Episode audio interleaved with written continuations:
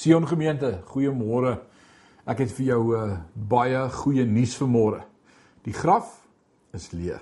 Dis opstanding Sondag. En reg oor die wêreld selebreit ons die opstanding van Jesus Christus meer as 2000 jaar gelede, daardie Sondagoggend uit die graf. Uit die graf is leeg. Ek lees vir jou vanmôre uit Matteus 28 vanaf vers 1 tot 20 en hoor die die wonderlike verhaal wat vir my en vir jou opgeteken is opnuut vanmôre. En laat na die Sabbat toe dit begin lig word teen die eerste dag van die week, kom Maria Magdalena en die ander Maria om na die graf te gaan kyk. En daar kom 'n groot aardbewing, want 'n engel van die Here het uit die hemel neergedaal en gekom en die steen van die opening weggerol en daarop gaan sit. En sy gedaante was soos weerlig en sy kleding wit soos sneeu. En hy het vrees vir hom en die wagte gebewe en soos dooies geword. Maar die engel antwoord en sê vir die vroue: Moenie vrees nie, want ek weet julle soek Jesus wat gekruisig is. Hy is nie hier nie, want hy het opgestaan soos hy gesê het. Kom kyk na die plek waar hy gelê het en gaan haastig en sê vir sy disippels: Hy het opgestaan uit die dode en gaan voor julle uit na Galilea. Daar sal julle hom sien. Kyk, ek het julle dit gesê. En hulle het haastig weggegaan van die graf met vrees en groot blydskap en gehardloop om dit aan die disippels te vertel. En terwyl hulle op weg was om dit aan die disippels te vertel, kom Jesus hulle met eens tee en sê: "Wees gegroet." Toe kom hulle nader en gryp sy voete en aanbid hom. En Jesus sê vir hulle: "Moenie vrees nie. Gaan heen en vertel my broeders dat hulle na Galilea moet gaan." En daar sal hulle my sien. En dan van vers 16 af en die 11 disippels het na Galilea gegaan, na die berg waar Jesus hulle bestel het. En toe hulle hom sien, het hulle hom aanbid, maar sommige het getwyfel.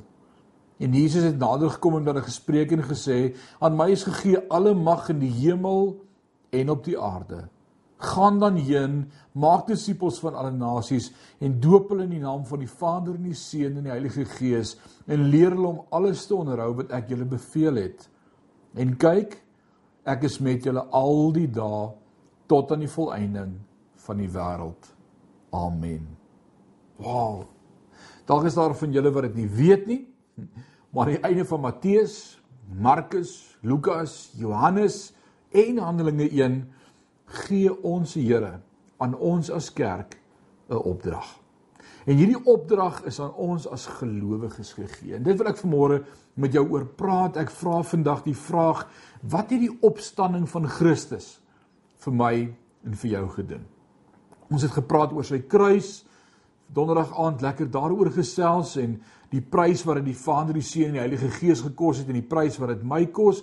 Vanmôre wil ek met jou praat oor watter opdrag het hierdie gevolg die opstanding van Jesus Christus vir my en vir jou. Hier is nie net 'n abstrakte kerk in Hebreë wat 'n opdrag ontvang nie, maar aan elke gelowige gelid van elke gemeente wat deel uitmaak van die kerk van die Here Jesus Christus. Aan elkeen van ons is die opdrag vandag dieselfde. Aan die einde van die evangelie van Matteus sien ons hier in hoofstuk 28 Jesus is op die berg in Galilea En ek glo dat die 500 waarvan Paulus in Korintiërs vir ons vertel, dalk deel was van hierdie gebeure, 'n skaar van gelowiges en nou sê Jesus vir hulle: "Aan my is gegee alle mag in die hemel en op die aarde. Gaan dan heen, maak disippels van alle nasies, doop in die naam van die Vader, Seun en Heilige Gees en leer hulle om alles te onderhou wat ek julle geleer het." En ek is met julle al die dae tot aan die volëinding van die wêreld. Amen. So daar's 'n oorweldigende uitspraak wat Jesus maak in hierdie gedeelte. Alle mag, al die nasies, alles te onderhou al die dae. En ek wil vanmôre met jou oor hierdie vier punte praat. Ek is oorweldig uh dat dat tot God ons identifiseer saam met die Godheid, die Vader, die Seun en die Heilige Gees, groter as die werk van 'n plaaslike gemeente. Ons is betrokke by 'n werk wat die hele wêreld raak. Dis amazing. So vanmôre wil ek vir jou sê, kom ons kyk bietjie uh wat is ons mandaat wat God aan die kerk gee in hierdie gedeelte in Matteus 28. Alles na sy opstanding. En ons sien daar's drie basiese faktore uh, wat in hierdie opdrag volg. En die eerste een is daar gesag of autoriteit. Daar's 'n aktiwiteit en daar's 'n gevolg. Gesag, aktiwiteit, 'n gevolg. En ons as kerk het hierdie drie faktore en as ons hierdie drie faktore gaan snap, gaan ons ook dieselfde ervaring hê as wat die kerk van Handelinge gehad het 2000 jaar gelede. So kom ons praat oor die eerste faktor, daar is 'n gesag of autoriteit. Jesus verklaar, hy sê aan my is gegee alle mag in die hemel en op die aarde vers 27. Nou Matteus is die evangelie van die koning. As Matteus skryf en jy blaai om van Malagi af na Matteus toe, dan dan wil jy inbeweeg in die troonkamer van die koning. Soos Matteus skryf, dan is sy hele invalshoek om vir die Jode te wys Jesus is die koning. So Matteus 1 vers 1 begin deur te sê die geslagsregister van Jesus Christus, die seun van Dawid, die seun van Abraham, waar is die koning van die Jode wat gebore is. Dis die hele inloop begin sommer deur te sê hier's die koning van die Jode, hy's die koning. So soos wat jy die evangelie Matteus lees wat primêr vir die Jood geskryf is, sien jy hoe dat Matteus die storie uitlê van Jesus as koning. Die eerste 10 hoofstukke van Matteus uh, is die openbaring van die koning. Jy sou in die eerste 10 hoofstukke lees, besef jy duidelik hier is die koning. Jy sou dink op hierdie stadium sou die volk voor hom neerval en hom aanbid as koning. Maar hulle doen nie want in hoofstuk 11, 12 en 13 van Matteus sien ons die rebellie teen die koning. Die Jode, die religieuse leiers wat hom begin oordeel en fout vind met hom. En dan kry ons hoofstuk 14 tot 20 van Matteus vind ons dat die koning sy disippels nou eenkant begin leer aangaande die kruis En drie keer in hierdie gedeelte deel hy sy einde met hulle en sê ek gaan sterwe, dis hoekom ek gekom het. In hoofstuk 21 tot 27 die verwerping van die koning deur die volk. Maar die einde is, is nie daar nie. Die einde is hoofstuk 28, die opstanding van die koning. En Jesus staan voor sy disippels en verklaar aan my is gegee alle mag. Ah, oh, dis wonderlik. So Matteus is die evangelie van die koning. Dis ook 'n boek van gesag. En ons Bybel verklaar so verkeerd die woord krag, maar is eintlik die woord ook autoriteit. So Jesus Christus het die krag, hy is God, maar Jesus Christus het ook die autoriteit. So ons kom aan die einde van die boek Matteus en Jesus verklaar, nie net het ek autoriteit om te leer en te genees en te vergewe en en oor die duiwel autoriteit nie, maar aan my behoort alle autoriteit. En dis wat Paulus skryf aan die kerk in Filippense 4 as hy sê in vers 6 tot 8: Wees oor niks besorg nie, maar laat julle begeertes en alles met deur gebed en smeking met danksegging bekend word by God. En die vrede van God wat alle verstande te bowe gaan, sal julle harte en julle sinne bewaar in Christus. Verder broeders, alles wat waar is, wat eerbaar is, wat regverdig is, wat rein is, wat lieflik is, wat loflik is, watter deeg of watter lof daar ook mag wees, bedink dit. So ek Matteus is die boek van autoriteit. Wat beteken dit vir my en vir jou vanmôre? Jesus het autoriteit. En hy wil daardie autoriteit uitoefen deur my en deur jou. Dis wat hy wil doen. Hy is die hoof van die kerk en ons is saam met hom die lede van die liggaam. Ah, oh, die opstanding bewerk vir my en vir jou 'n betrokkenheid in die koninkryk. Dis nie iets wat jy daar op jou eie net kan sit en sê, "Ag, oh, ek so bly die Here het opgestaan nie." Nee, dit verg van my en van jou om deel te word van hierdie aktiewe roeping waarmee hy die kerk toerus voordat hy ook opvaar na die hemel. 'n Opdrag wat hy vir my en vir jou gee. Besef jy vanmôre dat Matteus 28 vers 19 en 20 nie die rede is waarom die Christelike geloof 'n sendingaksie is nie. Nee. As hierdie verse nooit geskrywe sou wees nie, sou die Christelike geloof steeds 'n sendingaksie gewees het.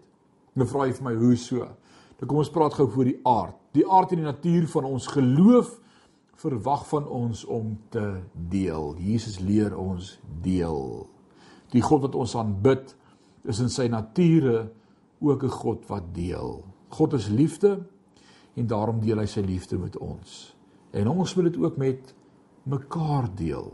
So al was die opdrag nie vir ons gegee in Matteus 28 vers 19 nie. Dis God se hartklop vir die kerk. Deel wat jy het. Wat vir jou gedoen is, doen dit vir ander. Die natuur van die evangelie verwag van ons om te deel. Die evangelie is nie 'n boodskap vir 'n spesiale groep mense nie. Die evangelie is inklusief vir alle mense. En die natuur van die evangelie verwag van ons deel dit. Deel dit met almal. Die natuur van die kerk verwag dit van ons. Die kerk is nie net wit mense of Afrikane of intellektuele mense nie. Die kerk is vir alle mense. Die mooi van kerk is dat ons bestaan uit verskillende agtergronde, tale, kleure, rasse, maar die natuur van die kerk is dat ons almal een is in Christus. Dis wat die opstanding vir my en vir jou bewerk het om deel te mag wees van die kerk van die Here Jesus Christus.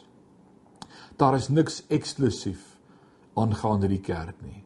So daar's autoriteit, ek en jy is onder opdrag van God en daarom kan ons nie ons tyd gebruik soos ons wil nie. Want ons is onder sy opdrag. Daarom kan ek en jy nie ons geld gebruik soos wat ons wil nie, want ons is onder sy opdrag. Daarom kan ek nie my talente en my gawes en my vermoë gebruik soos wat ek wil nie, want ek is onder sy opdrag. In die tweede plek wil ek vanmôre sê, daar is nie net autoriteit nie, maar daar's ook 'n aktiwiteit. En kom ons praat oor die aktiwiteit. Vers 19 sê en dis interessant hoe ek dit gaan stel vanmôre, gaan dan heen, maak disippels van alle nasies, doop hulle in naam van die Vader, Seun en Heilige Gees en leer hulle om alles te onderhou wat ek julle beveel het. Ons ken dit. Dis ons visie. Dis wat ons glo God wil doen deur die kerk. Ons moet disippels maak. Maar besef jy dat die woord gaan in die oorspronklike teks nie in die imperatief geskryf is nie. Dis nie 'n opdrag nie. Die opdrag in hierdie vers is nie vir my om vir jou om te gaan nie. Dan sê jy, hoe bedoel jy dis nie die opdrag nie? Wel, ek wil vir jou lees, daar's wel 'n opdrag in vers 19 en 20, maar dis nie gaan nie. Die opdrag is maak disippels. Jesus staan op. Hy verskyn aan sy disippels en die op die berg en hy sê vir hulle hier is julle opdrag as kerk. Maak disippels. So eintlik in die oorspronklike teks kan ons daardie vers 19 so lees terwyl jy gaan of soos wat jy gaan. As jy gaan maak disippels van alle nasies doop in die naam van die Vader seun en Heilige Gees en leer hulle om alles te onderhou wat ek jou geleer het Dit is die identifisering met die liggaam van Christus. So wat is die klem in vers 19? Nie die maak disippels nie. Wat is dit? Soveel mense sê vir my ek is nie geroep om te gaan nie. O, ek kan nie praat nie. Ek kan nie dit nie. Ek ek ek kan nie 'n uh, eh, gemeente lei nie. Ek kan nie 'n klein groep leier wees nie. Ek kan nie dit nie. Ek wil vir jou sê die woord leer vir elkeen van ons. Soos wat jy gaan soos wat jy werk toe gaan, soos wat jy by die huis sit, soos wat jy op jou foon is besig om te WhatsApp, soos wat jy met jou kinders praat, soos wat jy hulle hande vat in die aand om te bid voordat jy gaan eet, soos wat jy met jou buurman oor die draad praat, soos wat jy gaan, daar waar jy beweeg. Onthou hierdie opdrag. Maak disippels. Leer mense van Christus. Of jy by die kafee is, of jy in 'n ry staan, of jy by 'n vroue groep is, daar waar jy is, maak disippels. Leer mense van my. Oral waar jy gaan. En dis so awesome ons opdrag maak disippels. Die klem val nie op die uitgeroepe handjievol mense wat betaal moet word om die werk te doen nie. Die klem val hier op elkeen wat deel is van die liggaam van Christus. Elke lid, ek, jy, elkeen vanmôre saam met jou daar op die bank of in die bed, net daar waar jy is. Ons elkeen word geroep met die opdrag maak disippels. Let wel, die woord sê nie maak bekeerlinge nie. Bekeerlinge is mense wat omdraai. As iemand tot bekering kom, maak hy 180 grade omdraai. Die woord sê nie maak bekeerlinge nie. Hy sê maak disippels. So wat is dan 'n mooi moderne woord om die woord disipel te beskryf? Kan ons die woord gebruik vakleerling?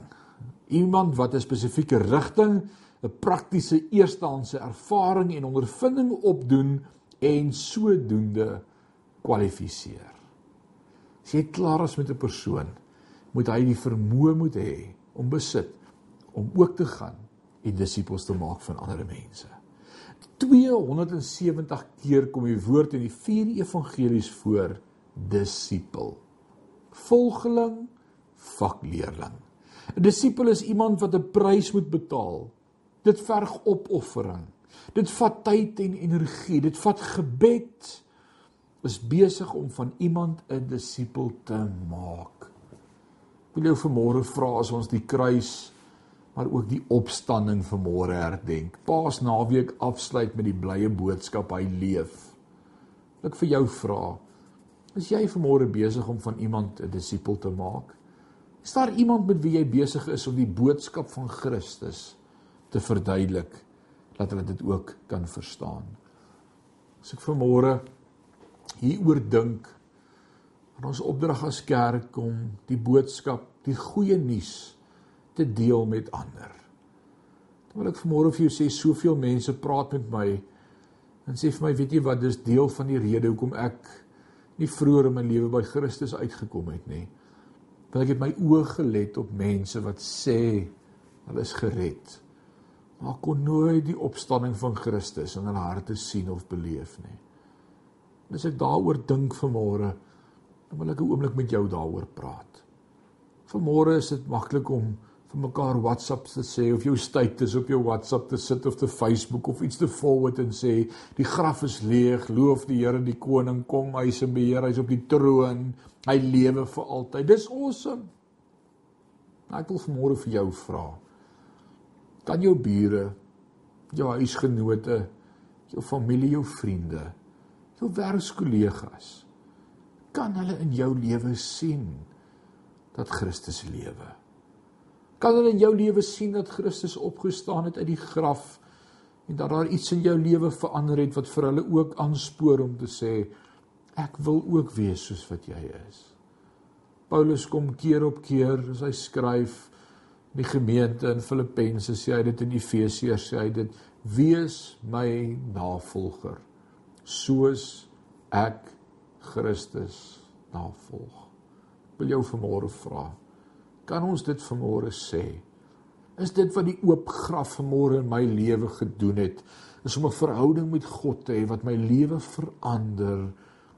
En as ek disippels maak, dan hoef ek nie baie woorde te gebruik nie.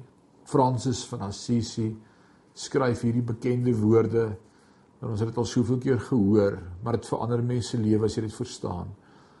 Hy sê use all, all use all means necessary to convey the wonderful message of Jesus Christ and the salvation of the cross and if really necessary use words. Ons is so geneig om eerste woorde te wil gebruik en te praat en te preek en te sê as jy dit doen gaan jy hel toe en moenie so maak nie en dis sonde en dis verkeerd. Ek wil vir jou sê die goeie nuus, die blye nuus van die evangelie is nie om te loop en vinger wys nie. Om vanmôre te sê kyk na my, my lewe het verander want die graf is leeg. Jesus leef nou binne in my. O, oh, dis 'n blye boodskap vir elkeen van ons. Ons tree op asof Jesus ons los gelos het of agtergelaat het op aarde. Ek wil vir jou sê Hy is met ons. Hy is met ons oral waar ons gaan. Hy is met ons terwyl ons disippels maak. Wil jy dat Jesus ook by jou sal wees elke oomblik van elke dag? Word dan besig met sy opdrag. Beweeg. En soos wat jy gaan, wys Christus vir mense. My challenge vandag vir jou in hierdie tyd waarin ons lewe. Ah, oh, dis 'n ander Paasfees hierdie. Ons mis daai daai daai daai familie en ons mis die gemeenskap met die heiliges en ons mis kerk vanmôre. Maar weet jy wat? Gebruik hierdie geleentheid om met God te praat, stil te wees daar in jou binnekamer en te sê Here help my in hierdie tyd. om werklik Christus te deel met mense daar buite. Kan ons saam bid? Kom ons bid. Ewige God en Hemelse Vader, baie dankie vir die wonderlike wonderlike boodskap van die evangelie vanmôre vir elkeen van ons. Die graf is leeg. U het opgestaan. En vanmôre wil ons U daarvoor loof en eer en ons wil dit celebrate. Dis awesome. Maar vanmôre beteken daardie oop graf daar's werk vir ons. Daar's werk om Christus te wys deur ons lewe, deur ons optrede, deur ons manier van dinge doen. Maar groter ook as dit.